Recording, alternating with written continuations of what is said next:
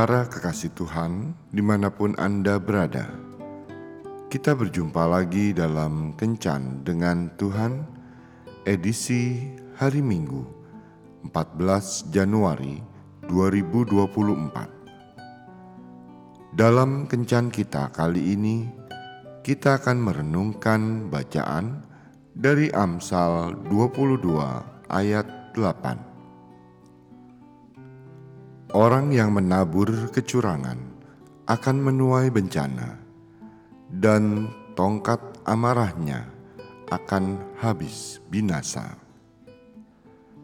Sahabat kencan dengan Tuhan yang terkasih, kisah Dani Gonzales di pertengahan tahun 2018 silam sempat membuat geger. Saat itu Dani berusia 27 tahun dan bekerja di Amerika Serikat.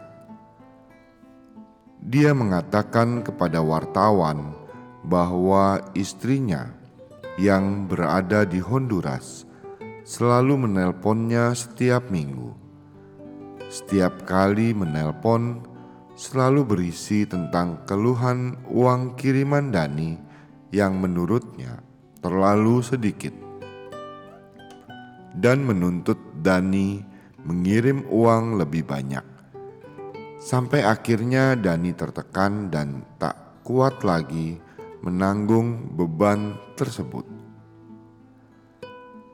Kemudian ia memutuskan pura-pura mati untuk mengelabui sang istri.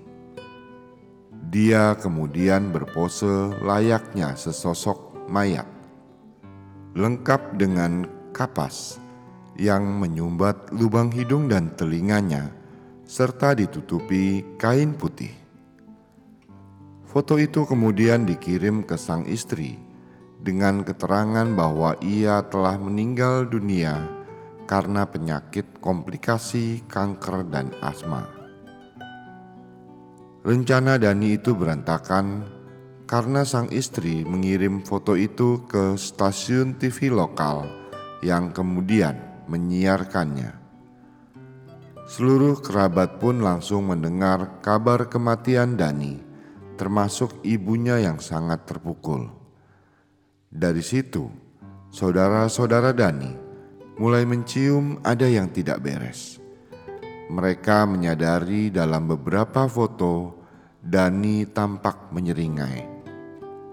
Mereka juga curiga kepada kain putih yang ternyata adalah sarung bantal. Foto-foto Dani tersebar di media sosial dan banyak orang yang curiga bahwa ia hanya pura-pura mati. Media lokal pun memutuskan untuk mencari kebenaran dan tidak butuh waktu lama. Akhirnya mereka berhasil menguak fakta bahwa Dani masih hidup dan sehat. Peristiwa tersebut menimbulkan pro dan kontra.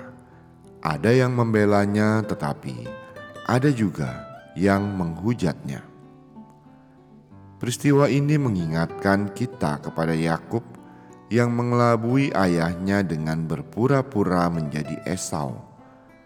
Karena tindakan ini, Yakub harus pergi dari rumah terpisah dari orang tuanya, mencari penghidupan sendiri, dan bertahun-tahun merasa bersalah terhadap kakaknya.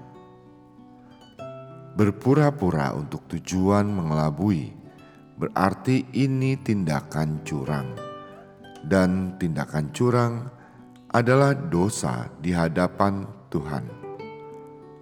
Amsal memperingatkan kita orang yang menabur kecurangan akan menuai bencana. Mari kita bijak dalam bertindak, jangan berpikir menyelesaikan masalah dengan cara mengelabui, berbohong, dan akhirnya melakukan kecurangan.